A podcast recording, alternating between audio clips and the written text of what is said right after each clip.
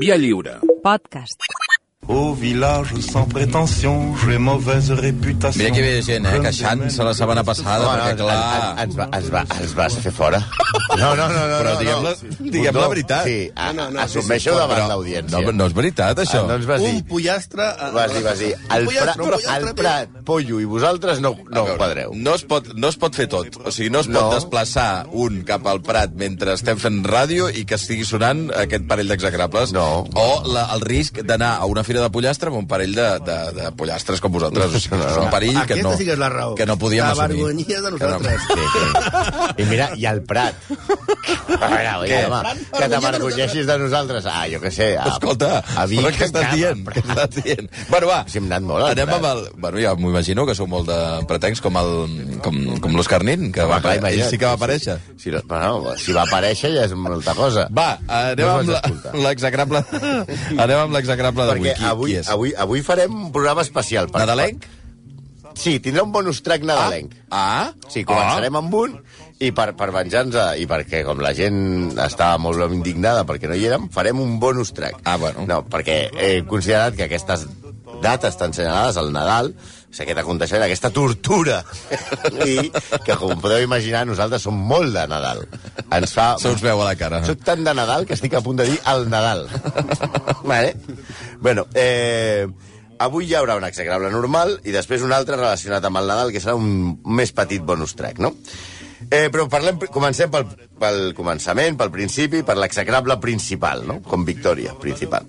Un ser abjecte, mm, horrorós, però que gràcies a... Per què, per què és abjecte? Perquè gràcies a ell viuen una- d'una o altra manera tots els crítics de cinema del món. Per tant, si no hagués existit el nostre personatge d'avui, ni el Toni Garcia, ni el Monti, ni el Blai existirien. Per això ja, només per això ja seria execrable. Ja és execrable, d'acord. Exacte. Persones, no? Exacte. Parlem del que probablement, probablement va ser el més gran productor de cinema del món. Un tipus que es va inventar l'Star System, un geni que va revolucionar el món del cinema i que es va inventar també els premis Òscar. La tonteria aquesta que cada any feu un programet i ho té enganxats com si fos la Programet durant 6 hores. Sí, però és una tonteria de premi que no, no li trobo la gràcia. Al mateix temps, aquest home va ser un explotador a nivell dolent de cuento de Dickens amb els nens. Un assajador sexual com Harvey Weinstein. Hosti, no. Més nazi que Sosulia, però bastant més intel·ligent. Un tirà que va arribar a ser definit com el Himmler jueu del cinema americà. Hosti. Un tipus tan xungo que el seu soci, Samuel Golding, va dir davant de la gentada que es va congregar al seu enterrament, que van anar, van anar milers de persones, va dir Samuel Golding. Tots han vingut no perquè l'estimessin, sinó per assegurar-se que realment és mort. No fa... Això va dir el dia de l'enterro? Sí. Hosti, Parlem de Lizer Mayer, conegut després com Louis Bart Mayer i mundialment conegut com Louis B. Mayer. En un país multicolor nació una abeja Però què té a veure el Luis Mayer? Bueno, no s'ha pogut estar. Meir, Mayer, Maya... Va, va, va! L'abeja Mayer. Va, l'abeja Què volia Mayer. ser? Mayer. Oscar Mayer. No, doncs no l'hem posat. Òscar Mayer. Bueno, Ja fa dies que no veig anuncis d'Òscar Mayer. No, Pot jo- ser no? Igual Sanitat té alguna cosa a veure. Va, va, va. Tira, tira, bueno, tira. ell també tira, va tira. jugar amb el seu nom mirant d'amagar el seu eh, origen rus. Saps que es fan amb els ulls i... Va, tira. No, no vull saber res. Dels El- porcs. Va, va. Dels porcs mions. Va. Bueno, de fet, no era rus, era bielorrus. Perquè va néixer a Minsk i va migrar cap a Amèrica, però el gran pare del cinema estadounidenc, que era el jefe de la Metro Golden Mayer, pels millennials, que és una empresa que és com Netflix, però lo bèstia. Sí, sí, per ells no saben el que és la MGM ara. És com, No, clar. net, és com si juntes Netflix, Amazon, eh, Rakuten, HBO. eh, HBO, tot, però tot amb una. I no era dels Estats Units al principi, era canadenc, com Jim Carrey o els bastons aquests que fan reformes. Sí, exacte.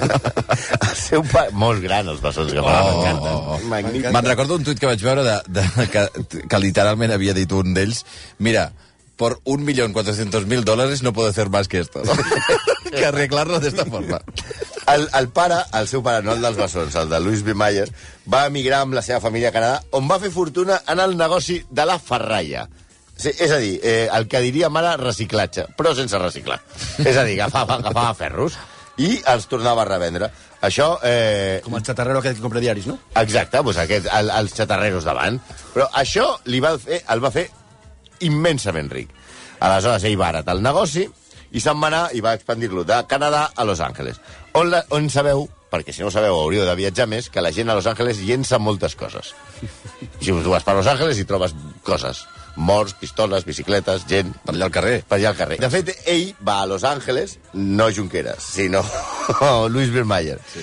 I, eh, eh, com tenia tants diners, hi havia de, de diversificar inversions. Ja, això és el que passa. Això no, és el que passa quan tens tanta pasta. Aleshores ell li diuen, hòstia, hi ha una cosa que ha sortit nova que es diu el cinema i potser hauries de construir un teatre. I ell participa com a accionista principal a la construcció del Gem Theater.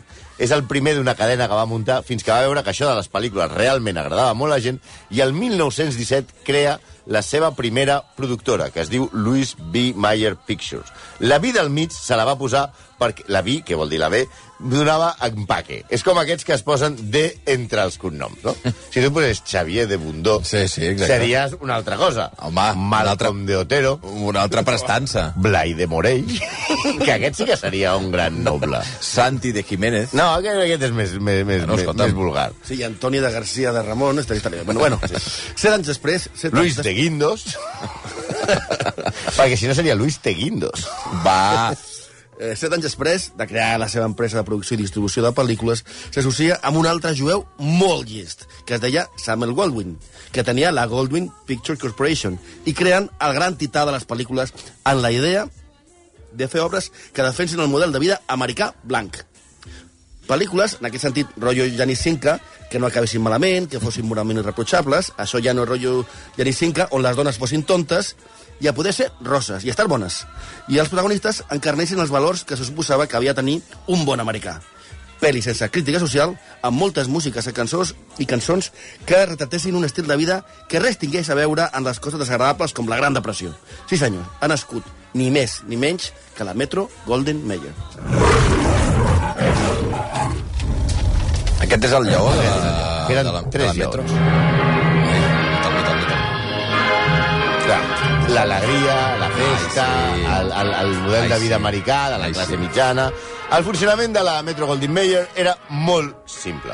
Es buscava un actor barra actriu, se li construïa una carrera per fer-lo immensament famós i les pel·lícules la gent les anava a veure per qui les protagonitzava. Mm -hmm. No pel títol, per l'argument o pel que fes això. La gent anava Però a veure fa una... això, eh? eh? Exacte. Ell, però això ho va inventar Louis B. Mayer. D'acord. La sigui- gent anava a veure una de Greta Garbo, una Ara. de Clark Gable, una de Spencer Tracy, una de Jane Harlow, de Judy Garland o de Lon Chaney.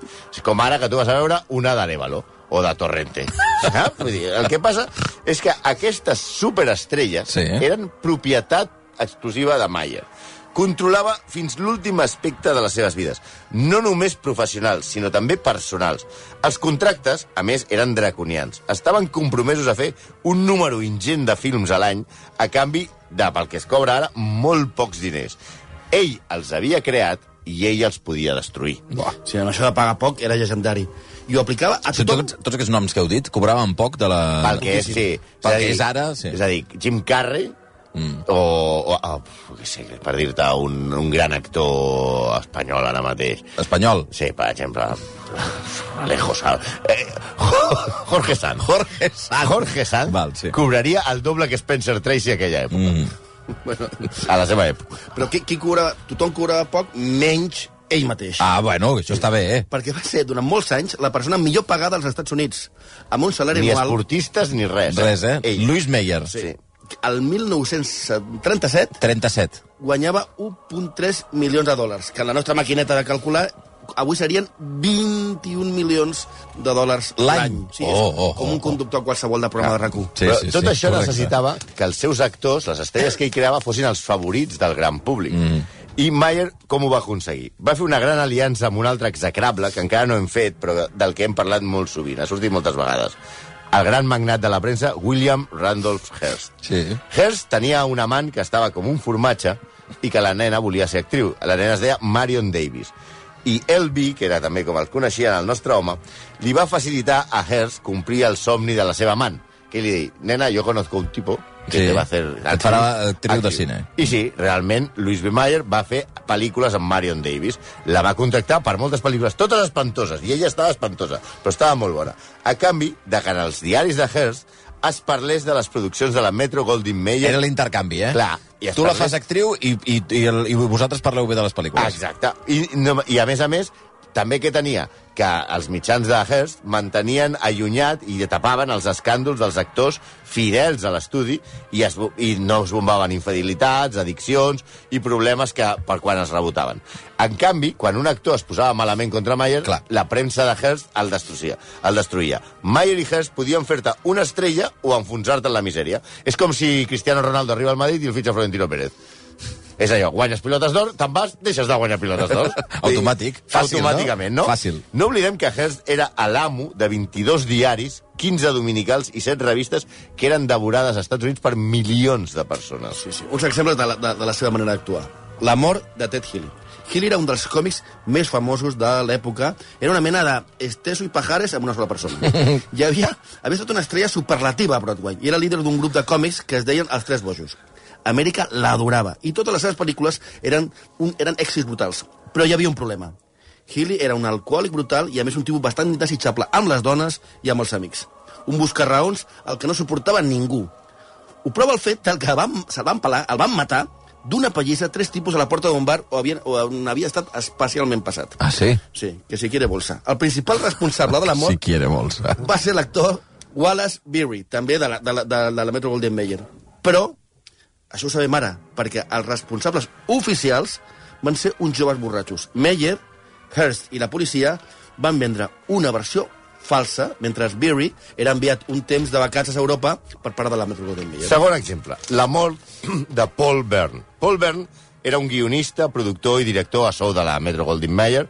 A més, era el marit d'una de les grans estrelles dels estudis, la bomba sexual anomenada Jean Harlow, la pre-Marilyn, la rosa platí per excel·lència, mm -hmm. de la que Mayer va- dir, quan la va veure, que no sap cantar, no sap actuar, no sap ballar, però és un canó de tia. I la faré famosa. El matrimoni entre Harlow i Burns, que es portaven més de 20 anys de diferència, era un drama.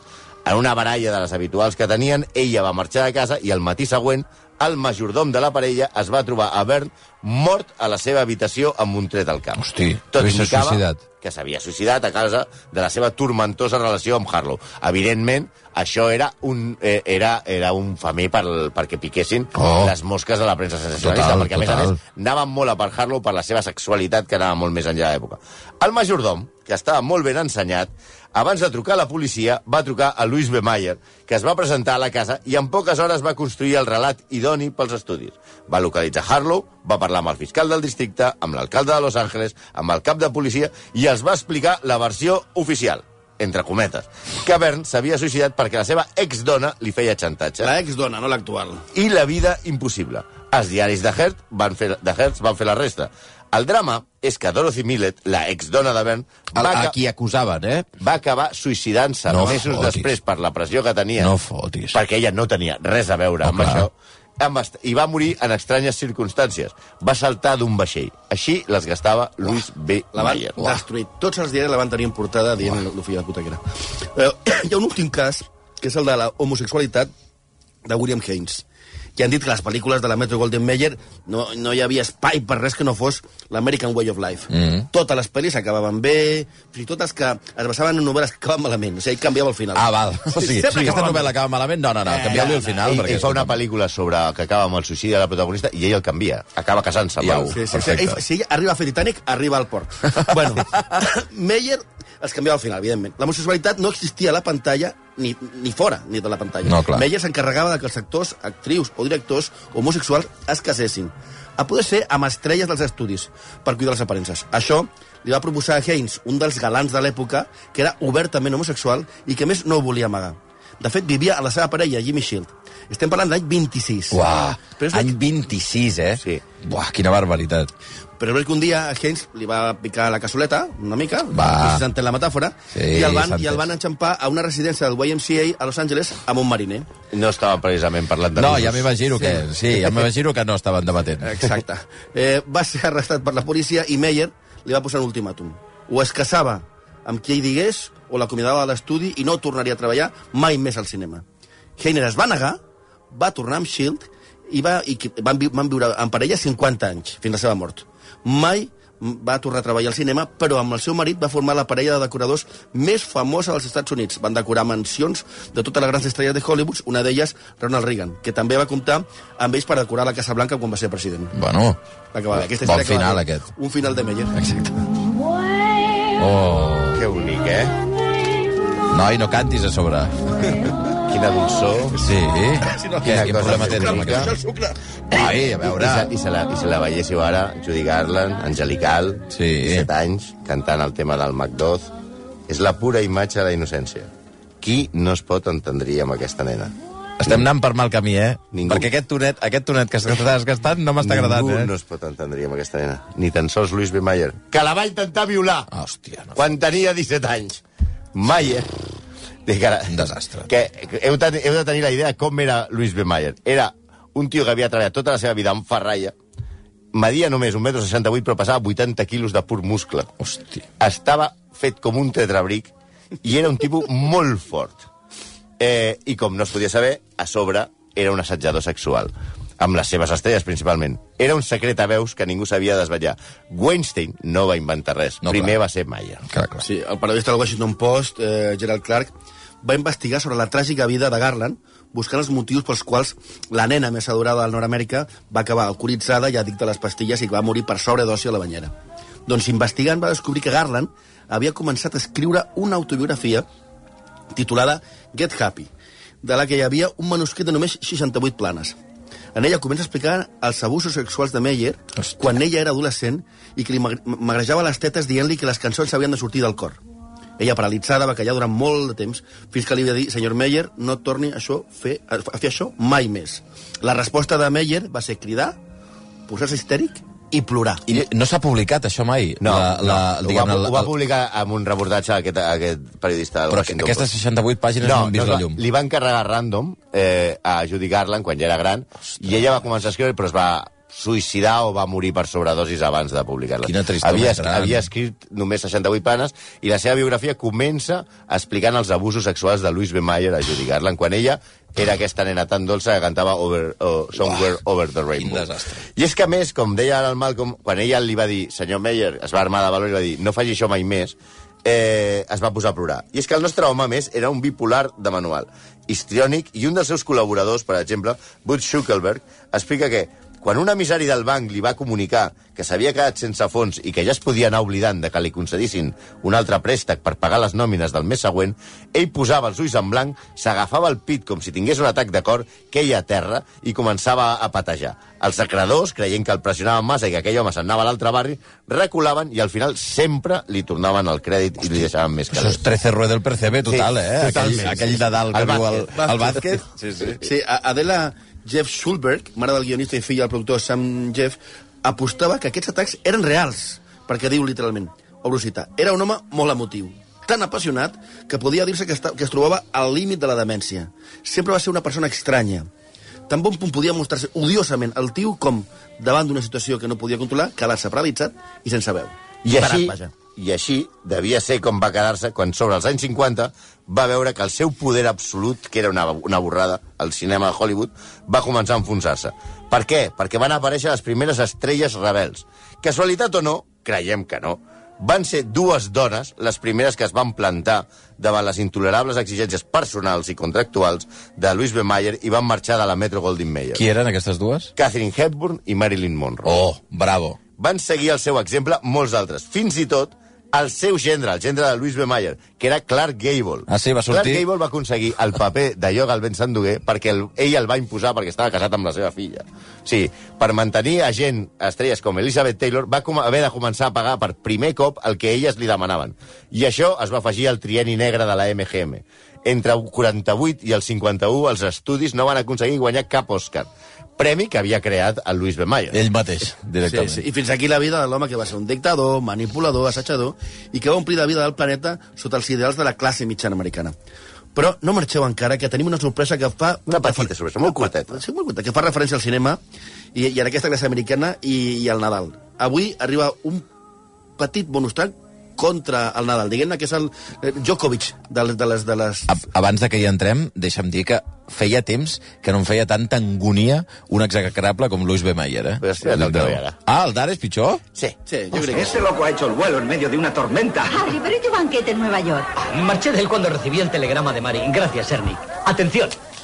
Brindo por mi hermano George, el hombre más rico de la ciudad. Que bello és vivir, no? Escolta, perdona, és una gran pel·lícula, no comencis amb, la, amb les teves coses, ja. A veure, la pel·lícula icònica del sí, Nadal. sí. Home, i tant. Haig de confessar-vos jo que cada cop que la veig, i Sí. la veig un cop a l'any, La veus, eh? la veig un cop a l'any, ploro. Amb aquesta escena sempre ploro. Oh, és és, més, estava boníssima. fent el guió i estic fent el guió per cagar-me amb ella i va i m'entra una coseta a l'ull, eh? O sigui, És una enorme és allò, pel·lícula. No fotis. és allò, to, és, aquesta és l'escena final, quan tot el poble arriba a casa de George Bailey i Clarence aconsegueix finalment les seves ales d'àngel, no? Eh, però també la desmitificarem, que per alguna cosa són professionals. Aquí no hay dolor. no hay dolor. No Va, no, dolor. no és de la Metro Golden Mayer, de la RKO, però representa tots els valors pels quals lluitava Meyer. La va dirigir Frank Capra, que a més d'un dels autors del guió, és, és a més l'autor del, del guió. I tothom pensa que és una persona que fa una obra com aquesta de ser l'encarnació del bé. Ah, no et fotràs amb el Una amb el Frank Capra? Una persona magnífica. Et fotràs amb el Frank Capra? Hem arribat per aixafar la guitarra, Xavi. No, no, no, no, no, sí? no. Que No, quan- no, no, no, No, a veure, no, no, no, no, no, no, no, no. Imagina't tu ara a casa- Aquesta és una de les meves pel·lícules preferides. A mi no, a, no, no em toqueu la pera amb Frank Capra, ara, Basté, eh? escolta, també. No, no, no, no, que no, que no. Quan dimarts a la nit, el dia de la nit de Nadal, que Sí. la posen a BTV normalment, Sí, sí. sí o, o dimecres a la tarda, quan us la trobeu en alguna plataforma, us seieu emocionats a veure aquesta meravellosa història. Tens raó, Xavi. Tingueu en compte que el personatge que la va parir, la va escriure... I Frank la va Capra, dirigir, Frank Capra. Tenia un retrat de Benito Mussolini al seu despatx. No, home, no. I que era un rendit admirador al general Franco. No, no, a qui no. va mostrar reiteradament el seu No, no. suport durant la Guerra Civil Espanyola. No. Sí, i, men i mentre s'engloteu veient com el poble de Bedford Falls li demostra a Bailey que és el, el més ric i que el, el, el més ric és el que té més amics i no el que, més, que el que té més diners, recordeu que la va filmar un racista, autor de la frase els negres porten l'odi dins el seu cor. No fotis. I al tanto, que aquesta és una declaració de 1984. No, no. Els únics. No. Sí, senyor. No. Els únics el afroamericans que trobeu... 1984, seguia pensant que els negres només tenien odi. Però és que a més diu que els únics afroame- eh, eh, negres que tolerava eren els jugadors de béisbol, que ja havien assimilat totalment la cultura blanca. Aquesta persona sensible, Frank Capra, que A diu... veure, no ja, hi havia negres al que ells vivien, em sembla... ha, hi ha un... Hi ha un em sembla, a, a, a, no quan, recordo ara. quan ell torna al, al...